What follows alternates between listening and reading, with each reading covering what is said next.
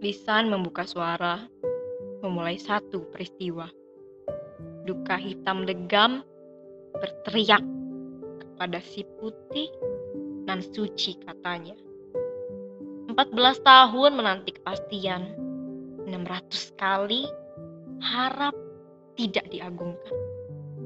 Sang Tuhan masih merintih memperjuangkan keadilan. Itu tadi empat baris sajak yang kutulis di kala mengingat peristiwa Kamisan. Oh ya sebelum berlanjut, Assalamualaikum warahmatullahi wabarakatuh. Selamat pagi, siang, sore, malam untuk kamu yang mendengarkan suara. Aku Adira Alisha Zamluni, menyemogakan kamu, kita semua selalu diberi kekuatan dalam menjalani hari yang kukira terlampau krisis ini. Naik turun lembah gunung angkat awanan virus mematikan. Doa ku panjatkan, semoga kita semua tidak kecolongan. Sedikit kusinggung tadi di awal mengenai peristiwa Kamisan. Untuk teman-teman yang mungkin belum tahu apa sih sebenarnya Kamisan ini, Oke, peristiwa Kamisan. Oh, mungkin lebih tepatnya aksi ya.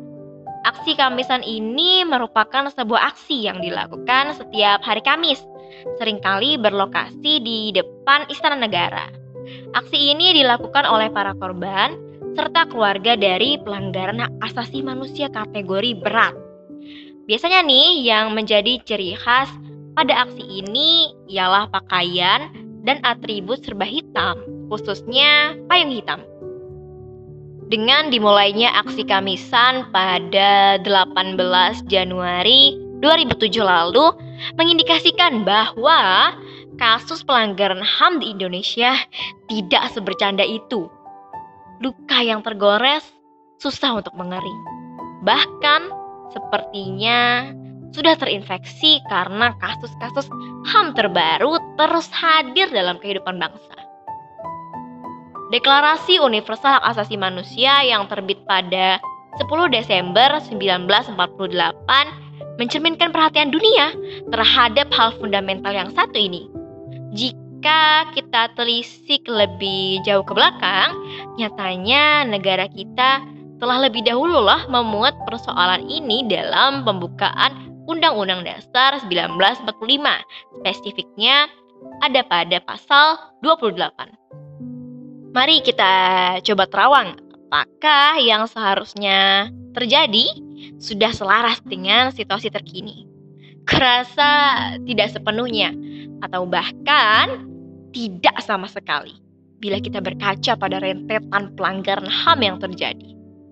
Menariknya, tak sekonyong-konyong kasus ini terjadi antar masyarakat, melainkan antar rakyat dan aparat.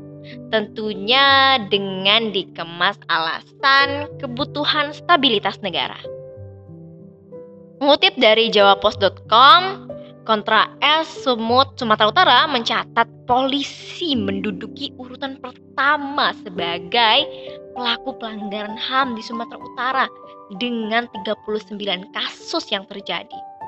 Di posisi kedua ditempati TNI dengan 20 kasus dan ketiga diduduki Satpol PP sebanyak 10 kasus. Sejarah telah merekam dengan absolut deretan tragedi, mulai dari genosida 65, tragedi Tanjung Priok, sampai penembakan mahasiswa Trisakti tahun 1998 dan tak hanya satu yang tak tersebut.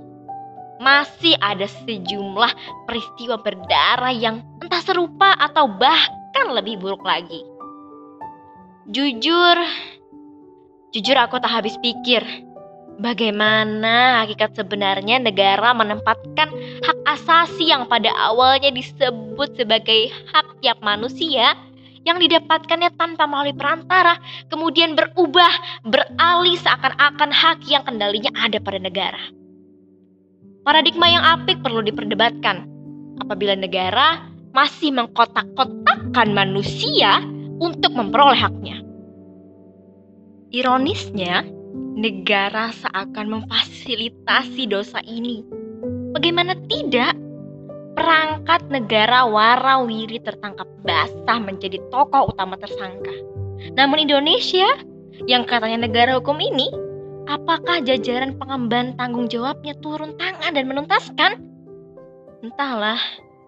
Kabarnya proses, proses, dan proses. Padahal rakyat bersuara bahwa bukti dan saksi masih ada. Lalu pemerintah ke mana? Kira selagi insan di dunia ini masih ada yang bernapas, maka semasa itulah permasalahan hak asasi akan terus terjadi. Sebab itu, masyarakat menaruh harapan besar terhadap leretan pemerintah serta perangkatnya untuk memegang teguh prinsip-prinsip hak asasi manusia. Terlebih lagi, hak yang sifatnya sensitif, seperti hak kebebasan berpendapat. Jangan sampai terjadi tragedi senggol bacok dalam pemberlakuannya. Jika dilihat sekarang, rasa-rasanya rakyat tak sudi bila hanya sekadar diajak rekonsiliasi.